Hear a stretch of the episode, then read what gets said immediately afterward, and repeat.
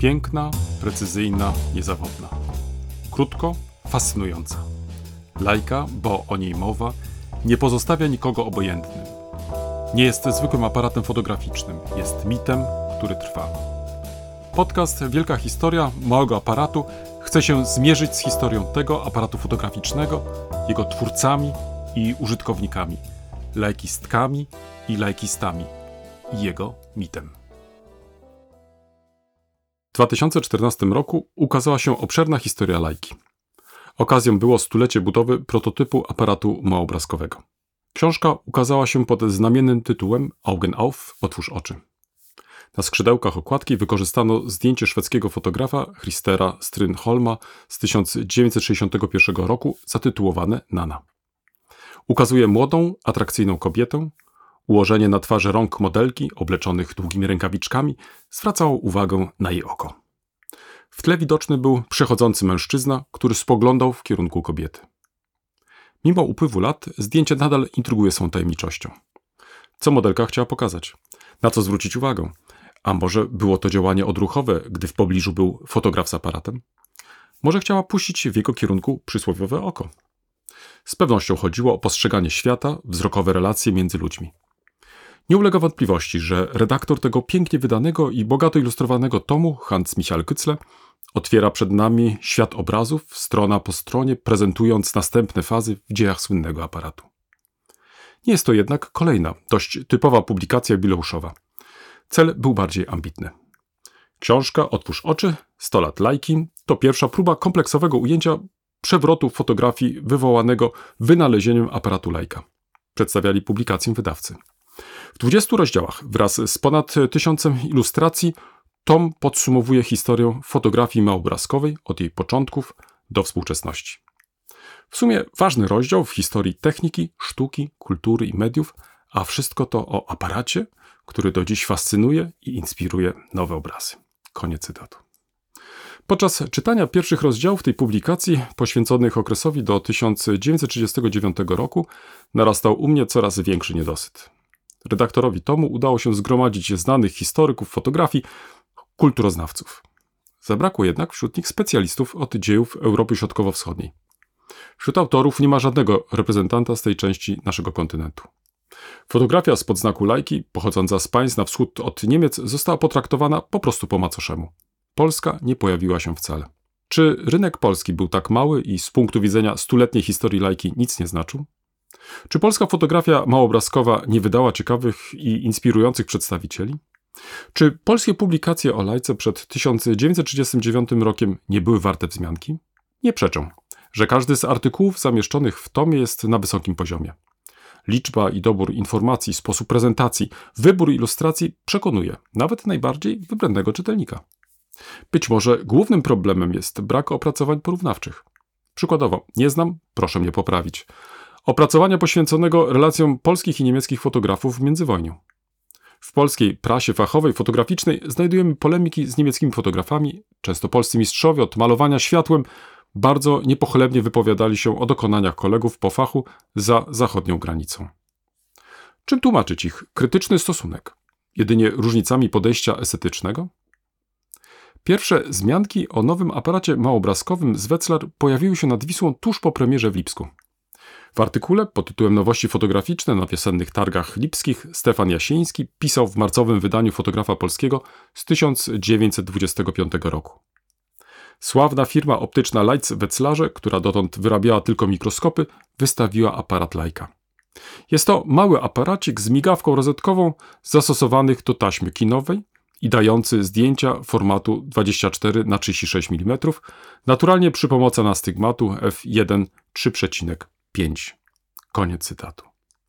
Jednocześnie autor zwrócił uwagę, że chętni zakupu nowego aparatu powinni uzbroić się w cierpliwość, gdyż na targach prezentowano zwykle egzemplarze sygnalne.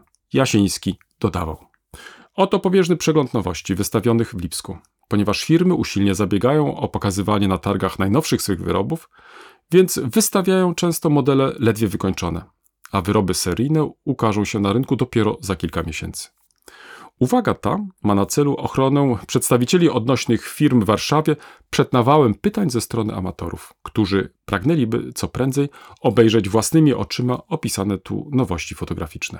Rok później Jasiński na łamach tego samego pisma w artykule pod tytułem Małe zdjęcie, duży obraz czy duże zdjęcie na duży obraz przybliżył zalety nowego aparaciku z Wetzlar. Zestawił je z często wykorzystywanymi formatami. Jasieński pisał – dla osób, e, które zadowalają się wymiarem co najwyżej 13 na 18 cm, istnieją inne możliwości, np. używania aparacików jak Leica na błonę kinematograficzną. Zdjęcia aparatem Leica mają wymiar 24 na 36 mm i dają ładne powiększenia 9 na 12 do 13 na 18 cm, które do celów dokumentacyjnych i pamiątkowych nadają się doskonale. Aparacik sam z ładunkiem na 36 zdjęć jest zawsze gotowy i zajmuje mało miejsca. Przy nakręcaniu migawki roletkowej automatycznie przesuwa się błona o jedno zdjęcie, dzięki czemu dwóch zdjęć na jednym miejscu błony zrobić nie można. Optyka wspaniała, światło sile 1 do 3,5, migawka od 1,20 do 1,5 sekundy. Czego więcej trzeba? Aparat Leica jest zatem skrajnym kontrastem wobec kamery wymiaru 24 na 30 cm, reszta to złoty środek. Koniec cytatu. Polskie czasopisma fotograficzne, pierwsze reklamy nowego aparatu z Wetzlar zaczęły publikować dwa lata po lipskiej premierze. Przykładowo w reklamie wydrukowanej w Fotografie Polskim w lipcu 1927 roku Leica przedstawiano jako mały, zgrabny i lekki aparat fotograficzny najnowszej konstrukcji. Następnie dodawano w każdej kasetce po 36 zdjęć. Dokonywanie zdjęć wyjątkowo szybkie i wygodne. W tej reklamie po raz pierwszy umieszczono dane reprezentacji na Polskę w dziale fotografii i projekcji. Był to dom agenturowy Marka Garfinkiela, Warszawa, ulica Chmielna 47a. Niestety nie znalazłem jeszcze bliższych informacji o tym przedstawicielstwie. Warto zaznaczyć, że Garfinkiel działał do wybuchu II wojny światowej. W 1938 roku widzimy go na stoisku Lajki i Voigtländera. Był także przedstawicielem tej niemieckiej marki, z okazji otwarcia 10. Międzynarodowego Salonu Fotografiki w Warszawie w towarzystwie wiceministra spraw zagranicznych Jana Szembeka oraz polskich fotografów Jana Neumana oraz Mariana Dederki. Mam nadzieję, że studia archiwalne w archiwum Lajki i Falklandera pozwolą na zrekonstruowanie współpracy Garfinkiela z obu firmami fotograficznymi. Garfinkiel był prawdopodobnie pochodzenia żydowskiego. Wątki jego ewentualnych związków rodzinnych z malarzem Dawidem Garfinkielem wymagają zbadania, to jawi się jeszcze inny ciekawy problem, który należy wyjaśnić. Jak wytłumaczyć, że firma niemiecka w okresie nazistowskim mogła pozwolić sobie na utrzymywanie zagranicznych kontaktów z Żydami, być przez nich reprezentowana? Znane są przykłady pomocy właściciela zakładów Lajki Ernsta Leitza dla żydowskich pracowników firmy w latach 30. XX wieku. Być może jest to kolejny przykład postawy dystansującej się wobec oficjalnego rasizmu III Rzeszy. Przełom lat 20. i 30. XX wieku, który stał pod znakiem wielkiego kryzysu, nie odbił się, jak się wydaje, szczególnie negatywnie na popularyzacji lajki w Polsce. Czasopisma polskie nawet częściej zamieszczały artykuły o lajce, większość z nich publikowała reklamy produktu. Na początku lat 30. XX wieku doszły broszury w języku polskim, które stanowiły ważny element reklamy i informacji o aparacie z Wetzlar. Były to tłumaczenia w większości z niemieckiego. Niestety, także i ten wątek jest praktycznie nieznany. Kto zlecał tłumaczenia? Jeśli takie tłumaczenia powstawały i broszurę zwykle produkowano w dużych nakładach, można było wnosić, że Leitz i jego współpracownicy od marketingu liczyli się coraz bardziej z polskim rynkiem. Bez wglądu do archiwum Lajki trudno będzie wyjaśnić także ten problem. Ciekaw jestem liczby użytkowników aparatu w Polsce na przełomie lat 20. i 30. XX wieku. Tłumaczeniom niemieckich broszur informacyjnych na język polski towarzyszyły oryginalne polskie wydawnictwa. Były one wydawane na zlecenie różnych składów produktów fotograficznych. Początkowo zaawansowani fotoamatorzy bardzo sceptycznie podchodzili do lajki i jej możliwości. Jednak stosunkowo szybko zaczęli się przekonywać do jej zalet. Jeden z pionierów lajki w Polsce, Jerzy Stalony Dobrzański, tak relacjonował swoje doświadczenia w artykule pod tytułem O wpływie wywoływaczy na wielkość ziarna płyty fotograficznej i o pracy małymi kamerami w sierpniowym wydaniu fotografa polskiego z 1928 roku. Aparat, z którym miałem do czynienia, był to tak modny obecnie aparacik Leica, zbudowany przez firmę Leitz Wetzlarze i wyzyskujący właśnie film kinematograficzny jako materiał negatywowy, przy czym otrzymuje się zdjęcia o wymiarach 2,4 na 3,6. Pomysłowość konstrukcji, solidność e, wykonania, doskonały anastygmat o jasności 3,5, rozmaite urządzenia dodatkowe, rozszerzające znacznie zakres stosowalności, rzeczywiście czynią z tego aparaciku prawdziwe cacko i usprawiedliwiają jego powodzenie. W szczególności chciałbym tu zwrócić uwagę na możliwość szerokiego zastosowania aparatu Leica do kopiowania wszelkiego rodzaju dokumentów, druków i tym podobnych, co dla osób pracujących naukowo i zmuszonych nieraz przy pracy swej w bibliotekach lub w archiwach do robienia licznych notatek i odpisów może mieć duże znaczenie. Dwie stronice dużego formatu, otwarta książka razem sfotografowane, dają się doskonale czytać wprost z negatywu za pomocą słabej lupy.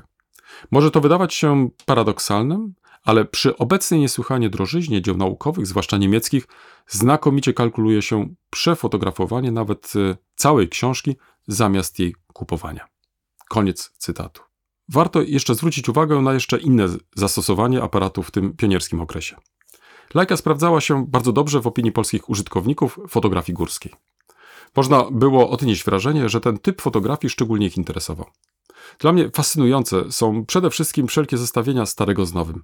Nestor polskich fotografów, autor wielokrotnie wydawanych poradników fotograficznych, profesor Uniwersytetu Lwowskiego Józef Świtkowski w artykule pod tytułem Ekwipunek do zdjęć w górach, opublikowany w czerwcowym numerze Fotografa Polskiego w 1929 roku, tak zachęcał do używania lajki. Nie bez słuszności zdjęcia górskie uchodzą za trudne. Przynoszą bowiem rozczarowania dość często, a najczęściej wtedy, gdy materiały i narzędzia są nieodpowiednie. Rzecz prosta, że na wycieczki uciążliwe w górach wysokich bagaż fotografa musi być zredukowany do minimum, ale to minimum nie powinno być ograniczeniem jakości, tylko ograniczeniem ciężaru i objętości bagażu. Jeżeli fotograf dba tylko o wygodę, musi jej poświęcić wyniki zdjęć nieraz całkowicie. A więc przede wszystkim kamera. Nie musi oczywiście mieć rozmiarów 18 na 24 ani nawet 10 na 15 cm. Ani też nie musi mieć migawki szczelinowej, góry zwykle są nieruchome, ani nawet obiektywu o jasności 1 e, do 3,5. Za rozmiar największy, który nie jest zbyt uciążliwy swą wagą i objętością, można uważać rozmiar kamery 9 na 12 cm. Łatwiej da się unieść na trudnych turach pieszych kamerka 6,5 na 9, a tym bardziej 4,5 e, na 6 cm. Można zresztą i lajką na błony e, zwojowe uzyskać dobre zdjęcia górskie. Nie sam rodzaj obrazka decyduje o przydatności kamery do zdjęć górskich. Oto na przykład kamera kieszonkowa składana na rozmiar 4,5 na 6, jak na przykład Bebe, Block Notes lub Makina, jakkolwiek niezrównaną do zdjęć ulicznych i na wycieczkach towarzyskich za miasto, da się w górach wyprzedzić zarówno lajce, jak i kamerce mieszkowej na rozmiar 6,5 na 9. Dlatego zaś nie da się wyprzedzić, zrozumiemy łatwo, gdy porównamy warunki zdjęć miejskich w warunkach zdjęć górskich. Gotowość w każdej chwili do zdjęcia, wielka jasność obiektywu, rozległy kąt obrazu, zmienność szybkości migawki w szerokich granicach są to wszystko zalety bardzo cenne w zdjęciach miejskich, ale bezwartościowe w górskich, niekiedy nawet ujemne. W górach, pominąwszy zdjęcia narciarskie, nie potrzeba nigdy wielkich ani różnych szybkości migawki, chociaż światła jest dosyć. Nawet przy najpotężniejszym wichrze halnym wystarczy jedna setna sekundy. Najczęściej zaś robi się zdjęcia małymi szybkościami migawki lub, co lepiej, zdjęcia czasowe. Koniec cytatu.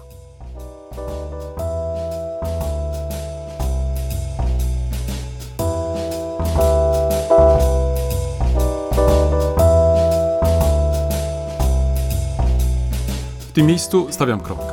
To nie koniec, a zaproszenie do dyskusji i następnego odcinka. Komentarze można zamieścić na blogu lub pod każdym nagraniem. Na pytania postaram się szybko zareagować.